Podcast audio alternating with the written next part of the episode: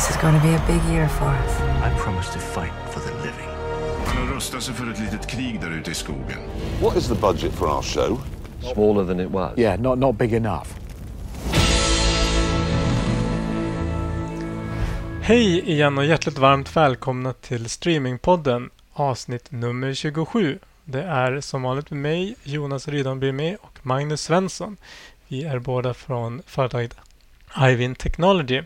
Och denna gången så har vi en gäst med oss, Torbjörn Decker från Embrace, eh, som vi kommer att viga en stor del av detta avsnitt till. Jag återkommer eh, till vad vi kommer att höra Torbjörn prata om alldeles strax.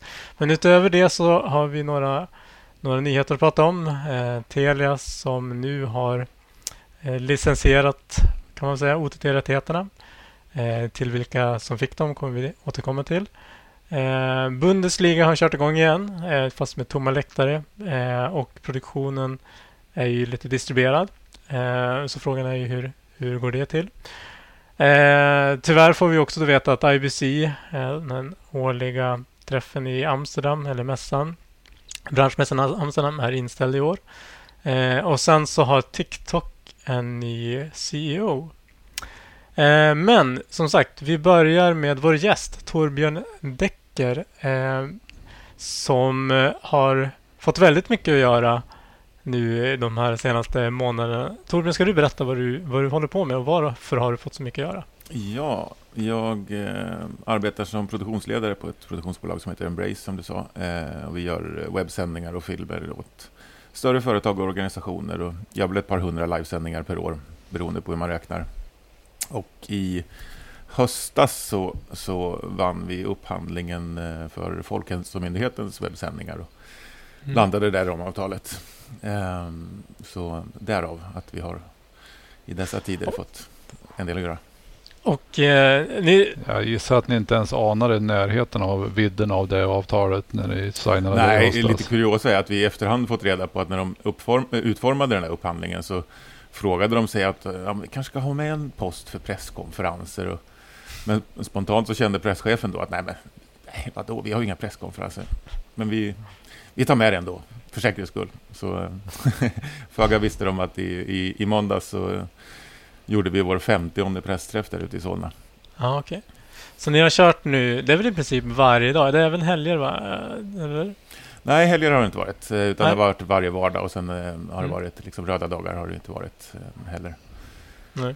Det blivit lite grann nästan, det är lite ja, lite lägerelds-tv av det hela. Det har blivit en stående punkt på, på dagordningen varje dag för många. Och inte bara journalister utan, utan alla. Eh, ska, ska, du berätta hur, hur, hur går en sån här sändning till egentligen? Eh. Ja, den är ju, alltså det man ser är det man, ja, eh, är, är ganska, den är ganska okomplicerad eh, i sitt upplägg. Eh, vad som komplicerar det lite är att de kommer in så pass sent så att säga att eh, mygga på eh, talarna försökte vi de första dagarna men det blev, blev ohållbart liksom. Så nu kör vi podiummikrofoner istället så de bara kan gå in i själva mötet liksom. Och vad det gäller tekniken eh, så är det väl, eh, ja från början så var själva en, det ramavtalade pressträffarna, det var en till två personer och en enkamerasändning med två myggor i stort sett. Mm.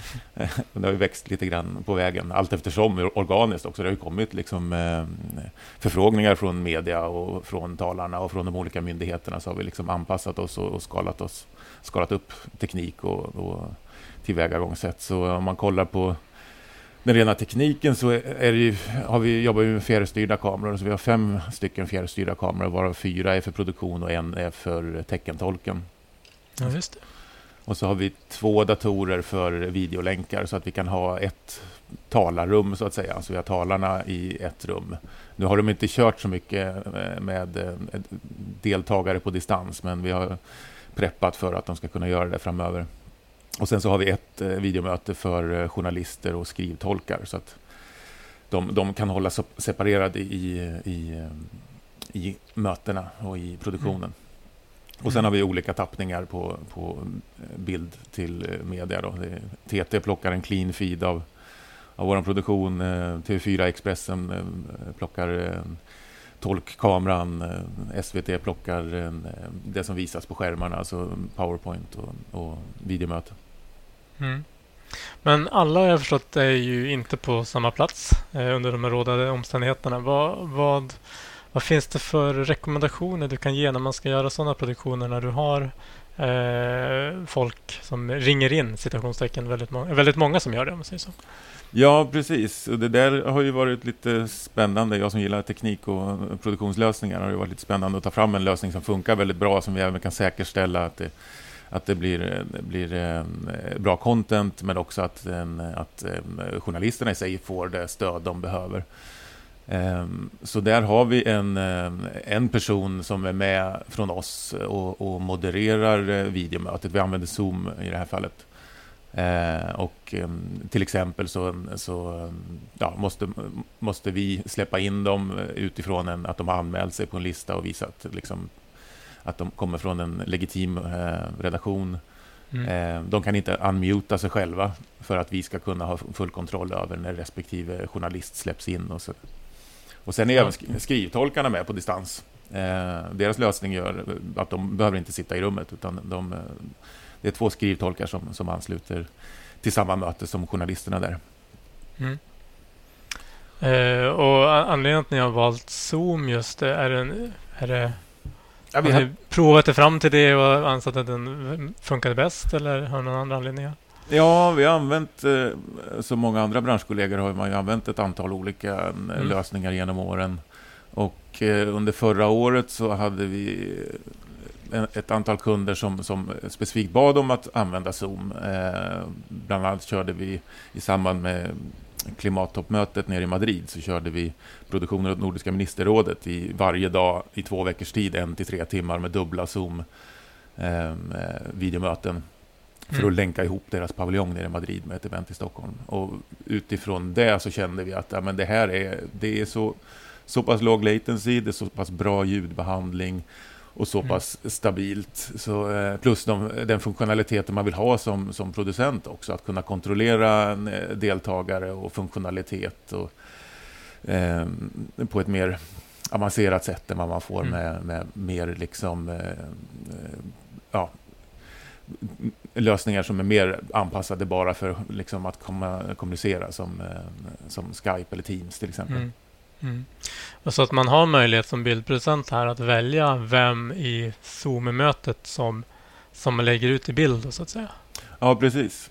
Vi gjorde för en, en eh, miljöorganisation som heter We Don't Have Time gjorde vi eh, så kallade no-fly-program eh, eh, mm. eller sändningar förra året där vi hade alla deltagare med på distans och en studio på vårt kontor. Eh, och i de och liknande sändningar vi har gjort efter det så brukar vi ha eh, en, eh, en dator som är pinnad på aktiv talare, en mm. på själva studiokameran som är i rummet och sen så en multiview och sen så gör man olika picture-in-picture-lösningar utifrån det. Okay. Och sen att rekommendera för, för andra som ger sig på det är att man har en separat eh, dator eller, eh, och person som som styr allting i mötet, så att säga. Så man inte mm. behöver ta fram eller tänka på att det kommer fram några menyer eller att man kommer upp någon chattrut eller sådär. Liksom, utan att man får liksom, rena signaler in i sin bildproduktion.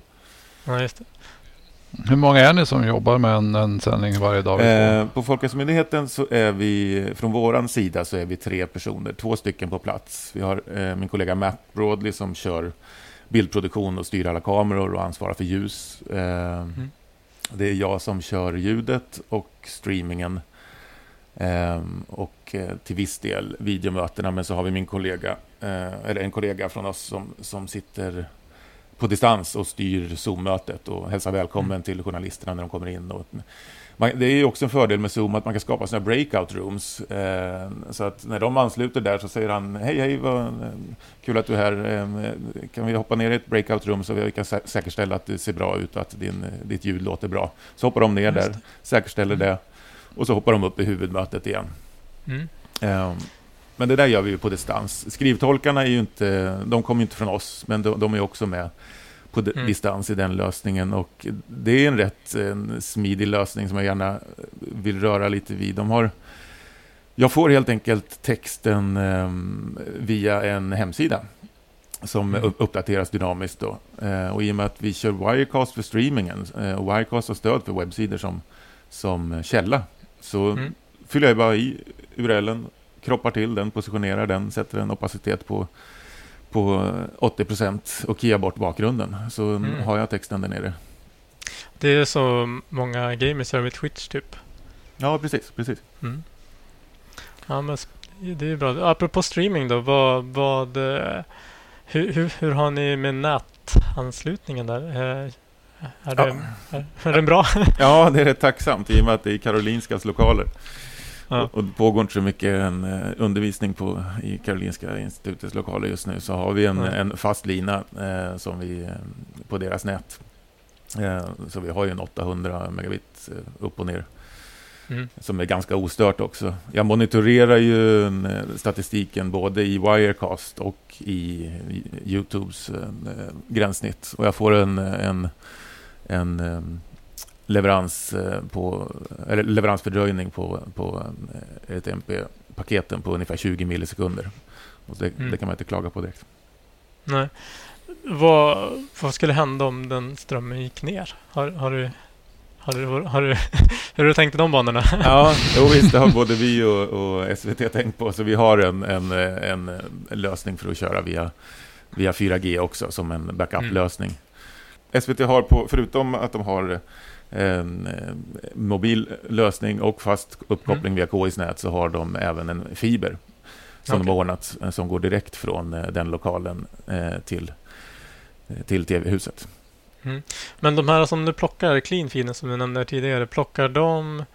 Är det SDI-signal över fiber eller tar de ut från Wirecast? Nej. Nej, utan vi har direkt från våran, vi har ju skapat lite olika en, AUX-utgångar eh, i Mm. bildmixen så att de, de plockar en SDI-signal i 720p50 eh, för TT och sen så skalar vi om Mm. till de som vill ha 1080i Ja, så de kommer med SDI. Och sen så har vi ljudtappning då så att eh, för allt ljud som är allt ljud är vårat ljud kan man säga. Det som man hör på Mm. Ekot och, och en, i alla sändningar är en tappning från oss. Mm. Men det är bordsmikrofoner, och f- framförallt för att det inte fanns tid till att mygga upp dem. Så. Eh, och, men vad jag förstått också kan vara en utmaning i just det här sammanhanget är ju att den data de presenterar är ju ganska färsk. Eh, vilka utmaningar kan ligga i, i, den, i den faktumet så att säga? Ja, verkligen. Det där är ju Sveriges mest eftertraktade PowerPoint varje dag. Eh, och de kommer in med en, en eh, på, med, på presentatörens, eller moderatorns dator, typ en Okej. minut innan varje, varje dag. Men kopplar ni in deras dator eller har ni en dator där ni kopierar över PowerPointen till? Eller hur? Nej, det är hans dator som de kommer med som är den som kopplar in. Så det där var ju i varje fall i början ett stressmoment när man Ja. ska komma och koppla in teknik till dubbla projektorer och en bildproduktion bara strax innan man ska gå live. Men den har visat sig vara pålitlig, den här maskinen. Ja. Och det är ingen Windows-dator som helt plötsligt ska startas om och installera uppdateringar då vid tillfället? Nej. Eller? Lyckligtvis. Det är en Windows-dator, men den, den har felfritt. Ja, det måste jag säga ändå är imponerande. Kört 50 sändningar utan att det har hänt under de förutsättningarna. Det, Ja, det, faktiskt. det är imponerande. Det är proffsigt. Ja, Eh, nej, men det är som vi, som alla som någon gång provat göra någon typ av, av presentation som man samtidigt bildproducerar och sänder. Så vet man ju att just det här man vill gärna att allting är inkopplat en stund innan och så se att det fungerar. Just det Mm. att koppla in när det går upp på podiet, det är, det är inte en dröm. nej, verkligen inte. Nej, vi är ju som, som brukligt är vi ju där i väldigt god tid innan. Både för att dra igång våra egna grejer, men också kunna serva media. Eh, det kommer ju, en, eh, det är inte bara svensk media där i rummet, utan det är ju Nej, okej. i stort sett varje dag någon utländsk eh, media från Tyskland eller Österrike eller Danmark. Mm. eller. Ha, har, Men tar de, tar de feeden från YouTube sen eller om de lägger ut bilder? Eller De hur? filmar oftast själva faktiskt, eh, men plockar ljudet från oss. Mm. Eh, Okej. Framförallt så är de där för de enskilda intervjuerna, så att det som händer i rummet, det förstår de ju ändå inte. Det var tal om att det skulle Nej, vara sant. simultantolkat ett tag eh, Mm. för, eh, till, till olika språk, men, eh, men så blev det inte till slut. För där tänkte jag, det, har ni, är det någon form av autotextning eh, som används? Jag har inte själv kollat om det är, men det, Gör ni något, görs det något sånt? Ja, Textningen är ju via Svensk skrivtolkning, heter de. Mm. Eh, eh, bolag som eh, eh, har levererat väldigt bra, måste jag säga. Och vi har fått en feedback om att eh, om man jämför med sån här live-textning så, så Mm. levererar de väldigt bra. Till exempel när de pratar på engelska så översätter de på svenska och Ah, skriver i realtid med en rasande hastighet. Ja, men det är, det är människor som sitter och gör det här Ja, precis. live. Det är inte någon AI Nej, någonstans. och de är två stycken. På samma sätt som teckentolkarna är, är två stycken som byts av, som kör i tio minuters pass ungefär vardera. Mm. Så är det samma sak med skrivtolkarna, att de är alltid två stycken så att de kan växla när, när det, för det är rätt krävande att sitta och, och göra det där i realtid. Ja, framförallt sitta och översätta då i realtid utan något form av lexikon eller någonting sånt. Det är ganska Ja, det är imponerande. kul att se, man, om man tittar noga på den här textningen så ser man att de jobbar med eh, förkortningar. Eh, Mm. Så Socialstyrelsen kanske är SCL till exempel, så fyller systemet på automatiskt. Eh, och känner igen den där. Hur de rent praktiskt godkänner så att det inte blir rätt och fel där, det, det får jag låta dem svara på. Men, Mm. men det har funkat väldigt bra hittills. Det borde ju slinka med någon form av Ja, felstavning väl Nej, men så de vill ju till exempel ha namnen på talarna så, så tidigt som möjligt så att de kan skapa specifika förkortningar för, för, för talarnas namn. Okej, så har de makron och förkortningar för det som Mm. Precis. direkt genererar. Ja, ju... Men de sitter med vanliga tangentbord. Eh, ja, eh, det finns ju speciallösningar för, för alltså specialtangentbord för en eh, live-textning. Eh, men Mm. de sitter med helt vanliga, till och med, en kille körde till och med med trådlöst, vilket jag tycker var kändes risky. Det är ju det är ju lite ja, vågat.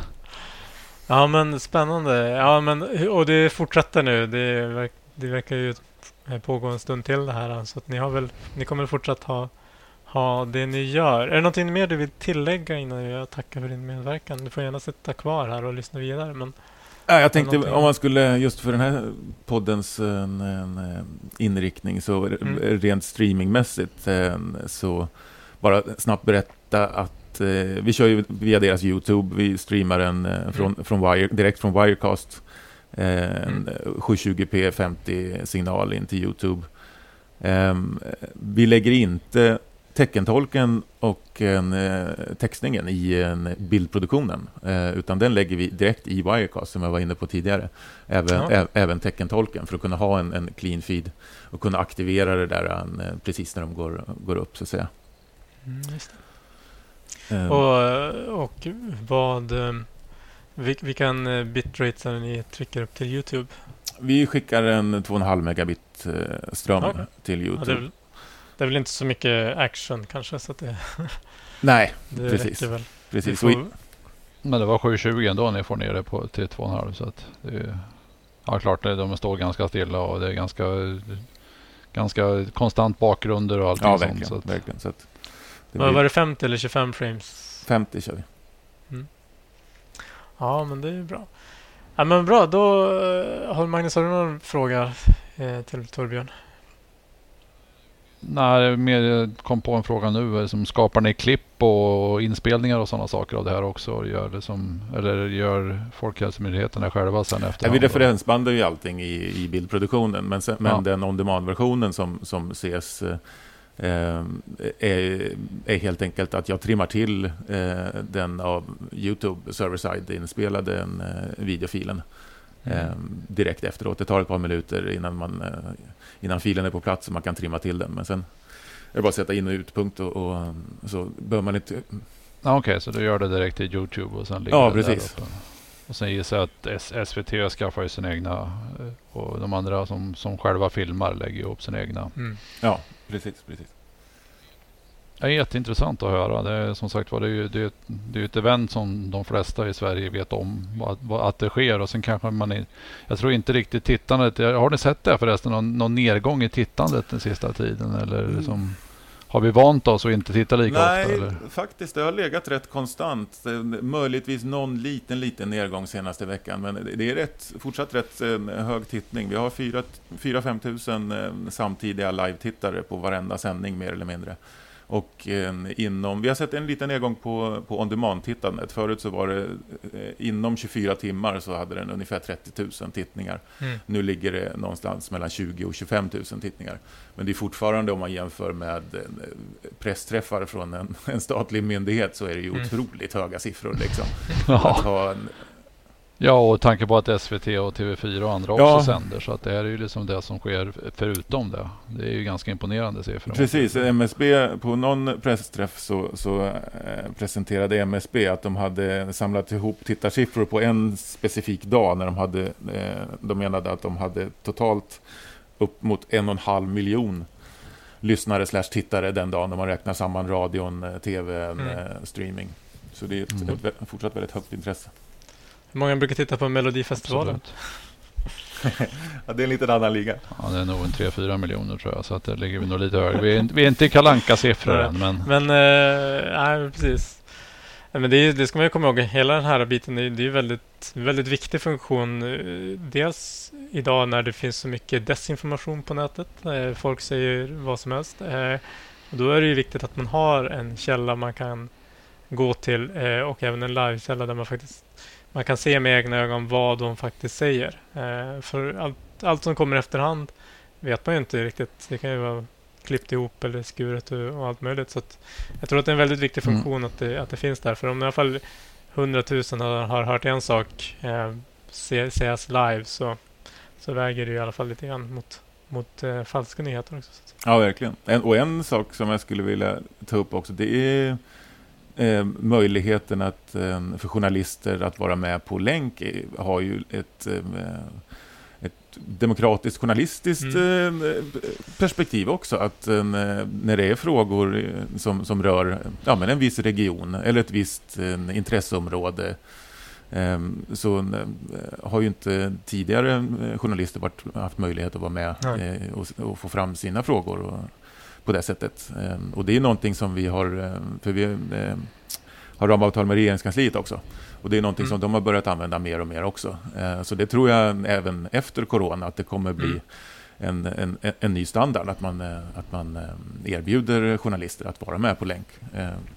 Men jag tänker mig som journalist också då, så har du ju en möjlighet att, att kunna delta på mer eh, pre- presskonferenser och träffar också om du, om du har möjlighet att, att eh, delta virtuellt. Eh, för det tar ju tid att resa och är det ena i Göteborg och den andra i Stockholm så hinner du kanske, måste du välja mellan en av dem en dag. Men eh, med de här möjligheterna så har du ju Mm. faktiskt eh, möjlighet att vara med på båda. Så jag, jag håller med dig Torbjörn. Jag tror att det, man, får, man har fått upp ögonen kanske mer för vad man kan göra och, och det blir tillräckligt bra. Så då sen får man ju ställa sig frågan varför gör vi inte så alltid? Verkligen. Och det finns ju en klimataspekt i det hela också. Att inte Mm. eh, åka runt mm, överallt. Och, och även eh, framförallt Absolut. när det gäller utländsk press. Istället för att det ska komma ett tyskt tv-team och vara med. Så, Mm. så, eh, nu hålls de här visserligen på svenska, men, men vi har till exempel hjälpt eh, Utrikesdepartementet med pressbriefings för, för media runt om i, i världen. Att kunna Mm. ställa frågor till Lena Hallengren och Stefan Löfven. Ja, just det. Ja, men vad bra. ja, Ja, jättespännande. vi får tacka Torbjörn för att du var med oss och berättade om hur webbsändningarna eller livesändningarna på, på Folkhälsomyndigheten ehm, går till. Så häng gärna kvar. s- om du vill tillägga någonting så får du absolut göra det. Jag och Magnus, vi ska fortsätta med eh, en nyhet här att eh, Mm. Eh, Det är nu klart vilka som får de här omtalade OTT-rättigheterna eh, från Telia slash TV4. Eh, som det var ju ett villkor här under för uppköpet att eh, de här OTT-rättigheterna skulle eh, erbjudas möjligheten till eh, en aktör i alla fall, eller flera. Eh, och eh, jag kommer inte ihåg exakta villkoren kring det, men men det är i alla fall klart nu att den aktör som får de här eh, eftertraktade OTT-rättigheterna som vi har pratat om en hel del i den här podden, det blir Discovery. Vad säger du om det Magnus? Ja, det var ju faktiskt eh, ganska intressant jag tyckte det kom ganska plötsligt. Det kan, kan vara min ignorans att jag inte trodde, visste att det skulle komma nu men att det kom nu ganska plötsligt vilket är Ja, det var en, en för mig en liten skräll faktiskt men samtidigt när man tänker tillbaka så blir det ju en ganska det är ju kanske det minsta hotet vad det gäller som för Telias. Eh, det är ju som ingen distributörskonkurrens på det här viset. Så att, så att vi, vi packar ihop ett ganska trevligt erbjudande på Dplay nu om de gör en rätt paketering av det här med, med sporträttigheter och ganska mycket bra film och tv. En Så- fråga man kan ställa sig, tycker jag, det är att om TV4 hade inte varit eh, numera ägda av Telia, eh, hade man då valt konkurrenten Discovery? Nej, det tror jag inte var eh, lika glasklart längre. Utan det blev ju en spännande kombination. Men å andra sidan hade inte Telia ägt TV4 så hade TV4 aldrig behövt dela ut det heller. Så att det, det är en hypotetisk diskussion. Precis. Eh, samtidigt också får man säga som att Discovery kanske är den minsta konkurrenten till Telia då i form av eh, eh, säga, pipe business eller tv-operatörs, mobil och, och den biten. Mm, tittar man på helheten så är det säkert det bästa stället att lägga ut det på som ändå är rikstäckande. För det var ju tvungen att vara en, en relativt stor täckningsgrad på den man la ut det. Man fick inte lägga det till vilken liten spelare Nej. som helst. Men det här var väl säkert redan med för att jag tror det var, var det inte i mars när, när Discovery och Telia kom överens om distributionsavtal och sådana saker. Mm. Så då fanns nog det här redan med i den bilden skulle jag tro. Mm. Ja, nej men att... Eh, Så att, ja, det var intressant så att vi får väl se vad, vad det här mynnar ut och se om det, det kanske kommer tillbaka lite Discovery och sådana kanaler in i Telia Plays nya utbud också. Mm. Är de borta nu eller? Ja. Ja, just nu så finns inte femman Nej. och de bitarna i, i Telia Play. Så att, men eh, skulle inte förvåna om vi snart ser Mm. det.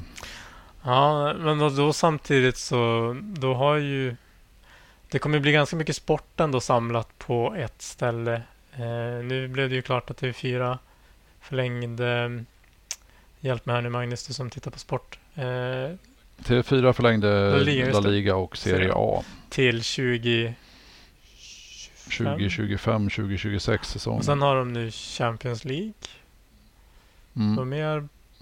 Och, och Dplay har då fotbollsallsvenskan och lite annat. Och eh, vi har landskamper och eh, VM, EM och sånt i TV4. Mm. Så att sport, sportpaketet är ju helt klart en konkurrent nu till Mm. Viaplay som har varit dominant på sport i, i Sverige, Norden tidigare. Mm. Så att, Men ändå kanske, nu ska vi väl inte gå händelserna i förväg, men, men för den sportintresserade, framförallt då fotboll, då finns det ju ett hopp om att man kanske inte behöver ha tre tjänster.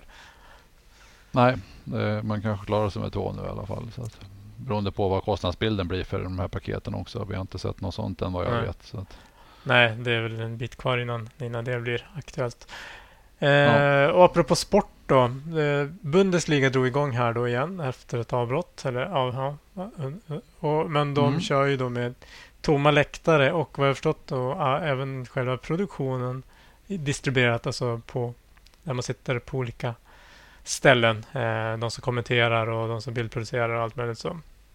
Vill du berätta lite mer? Ja, BBC la ut en ganska intressant artikel på när de hade suttit och skepp, skeppat runt all utrustning till garage, vardagsrum, sovrum runt om i Storbritannien där det sitter då folk Ja. synkade.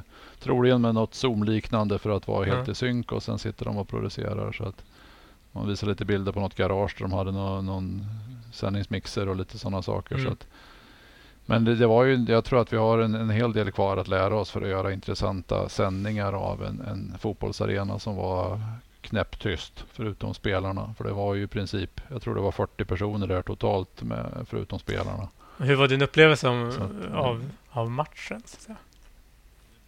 Det, jag tyckte det var svårt. Jag satt och tittade på några matcher tack vare att jag råder abstinens av fotboll. Så att, men det, kände, det kändes svårt att uppleva en, en fotbollsstämning när du inte har någon publikljud, ingen, ingen som lever sig med. Och jag vet att, att BBC och andra har ju tittat på möjligheten att lägga på artificiellt publikljud och sådana saker. Men jag, jag tror det är svårt att skapa den riktiga. För publiken är ju ingenting som du som ett konstant ljud som du kan lägga på i, i bakgrunden. Utan det måste ju vara en inlevelse Mm. från, från Mm. människor. Och vad som händer helt enkelt i, i matchen. Så att säga. Men Ja. finns det, fanns det någon form av interaktivitet bland de som... Alltså nu när publiken sitter, sitter hemma så att säga. Alla gör det, det är inga på platser. Och på Mm. plats så finns det ju en form av interaktivitet även om det nu mest kanske är hejaramsor och eh, eh, så. Eh, Mm. Hade de något sånt inslag i, de produ- i produktionen? Inte i den som jag såg i Sverige som var från Viaplay, men jag tror att, jag tror att det är säkert ganska nytt för alla Mm. nu. För att det, dels kommer ligorna igång med ganska kort varsel och, och sådana saker. Men jag tror ju att de flesta som ska sända fotboll, om det kommer fortsätta med, med relativt tomma läktare, måste börja titta och snegla lite på vad e-sport och andra gör för att skapa, skapa ett publikengagemang runt omkring en, en sändning. För att det är ju som idrotten har ju, varit, har ju haft som s- arenakulturen så att säga. Men jag, jag tror vi måste lära oss leva med, med den här typen av event också. Och Mm. Hitta andra sätt att engagera tittaren och, och, och med chattar och, och sådana här saker. Det måste ju finnas saker man kan inspireras från e-sporten, tänker jag. För Absolut. Där, där Absolut. är ju publiken många, många, många gånger väldigt...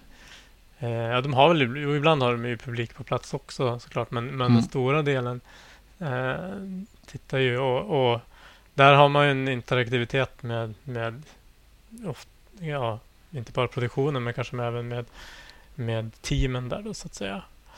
Ja, men jag, tror, Mm. jag, tror att man, jag, jag tror att man kan göra det intressant, fast man måste tänka helt annorlunda. Jag tror inte man... man Mm. Och sen så såklart det är ju... Om det är någon läge man kan göra en sån grej eller en sån förändring så är det ju nu när man inte har några val. Eh, När du, när du har valet att gå Mm. så här, då, då är det nog svårt att få genomslagskraften. Men, men man borde ta, ta tillfället till akt att faktiskt göra en mer interaktiv upplevelse eh, och, och vad nu det kan vara så att säga. Absolut. Jag tror att nu har de löst det tekniska. Så nu klarar vi dels nu klarar vi av det, vilket jag tror är ett stort steg. Att, att nu har vi tvingats lära oss att, att producera fotbollsmatcher från hemma. Och i, många av de här som du intervjuade just runt den här artikeln på, på, i England var ju att det som, de kan helt plötsligt vara hemma hos sina barn direkt Mm. efter fotbollsmatchen. Mm. Det finns ju fördelar också med, med just det. Det är lättare Ja. att få den här balansen i livet och, och då kanske inte bara de som har möjlighet att kommentera på plats är de som inte har barn eller är, är unga och, och så. Nej. Så det, det finns ju som sagt var, man- om man ska se det positiva i det här äh, mörkret så får man ju försöka hitta de, de sakerna. Eh, bra. Eh, ja, men det blir spännande att fortsätta det. Eh, en annan nyhet då som kom igår, eh, i alla fall officiellt, det är att den här årliga branschmässan i Amsterdam, IBC, ställs in helt. Eh, det anordnas inte någon form av virtuell eh, version vad jag förstått. Eh, och NAB blev också inställt här i, här i april. Vad, vad, vad är din reflektion om det, Magnus? Ja, det var ju inte helt oväntat. Vi, vi, man såg det komma ganska tidigt. Jag tror förra, förra, förra veckan när Panasonic och flera stora företag sa att de inte skulle Mm. komma. Så att då, då kändes det som det var ett ound- oundvikligt. Och, och även om vi kanske kan komma så pass långt så vi bara lätta på, på karantänsreglerna fram till september så är det ju fortfarande väldigt osäkert att man, vill, att man kan resa, att man får resa, att man vill resa och sådana saker. Så att, Det är väl den osäkerheten som gör... eh, Jag tror att man kan utveckla vidare konceptet som används runt NAB med sådana här virtuella eh, demos, virtuella mötesplatser och sådana här saker. Jag tror att kreativiteten fram till september kommer säkert vara ännu större än vad den var för NAB nu. Mm. Och, eh, planeringar pågår ju för en, flera olika event. Jag kommer ju vara med på det som förut var Streaming Media East i Boston. kommer nu bli Streaming Media East Connect. Där vi kommer sända via Zoom. Eh, konferenserna och eh, panelerna precis som de skulle varit i nedkortade versioner och inte lika många. Men, Det var det som jag var inne på tidigare avsnitt, är just den här biten där du kan gå omkring och klämma och känna på saker. Den är ju kanske svår att ersätta. Absolut, så att jag tror att det finns ett uppdämt behov att, att göra det. Men jag tror också att vi har lärt oss att man kanske inte behöver lika många som Mm. var det förut. Däremot finns det ett enormt utbud av webbinarium och eh, virtuella paneler och presentationer och sådana saker istället. Vilket jag tror gör att det, det är svårt att för publiken att välja Mm. rätt. Det är här man tycker att en sån aktör som IBC och NAB, de borde ju samla alla de här webbinarierna, alla de här på ett ställe, Mm. på en ja, streamingtjänst, måste säga.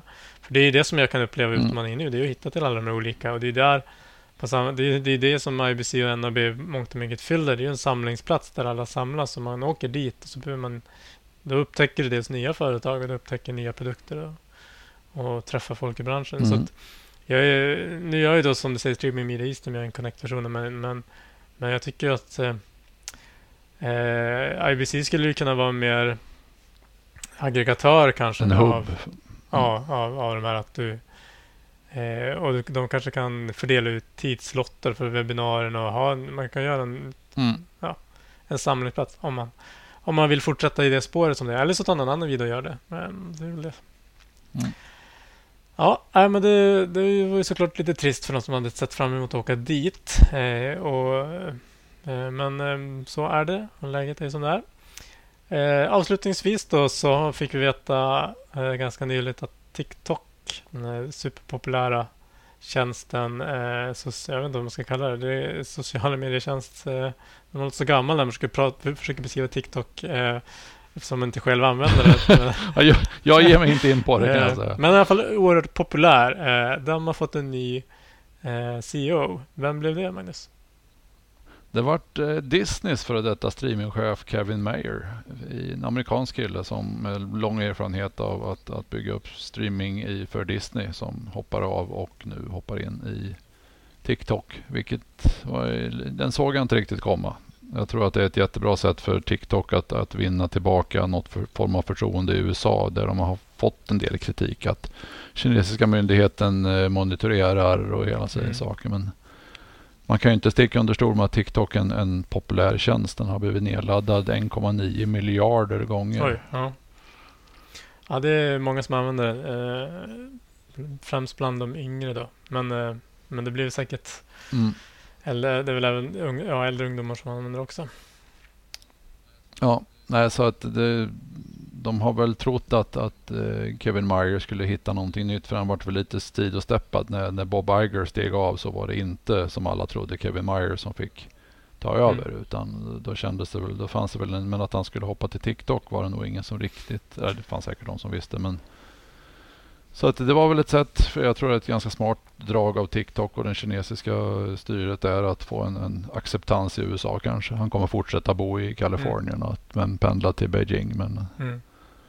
Så att vi får väl se om det blir någon amerikansk mer marknadsföring av TikTok. Kanske ytterligare ett steg åt det kommersiella hållet på den tjänsten. Det känns inte riktigt som de, om med 1,9 miljarder nedladdningar varav 180 miljoner bara i USA så finns det väl det finns väl en marknad Mm. redan. Ja, det ser man. Ehm, det var det. Ehm, så vi avrundar väl idag ehm, avsnitt nummer 27 och eh, jag vill tacka Torbjörn för att du var med. Eh, och eh, Tack. Magnus, tack för att du var med Mm. Ehm, som vanligt. Så med det så säger jag hej då och sen hörs vi igen om två veckor kanske. Mm. Hej då! Hej då! Ni har lyssnat på Streamingpodden. En podcast för dig som är intresserad av streamingteknik och nyheter i området. Programmet produceras av Ivin Technology, leverantörsoberoende specialister inom videoteknik och mediedistribution.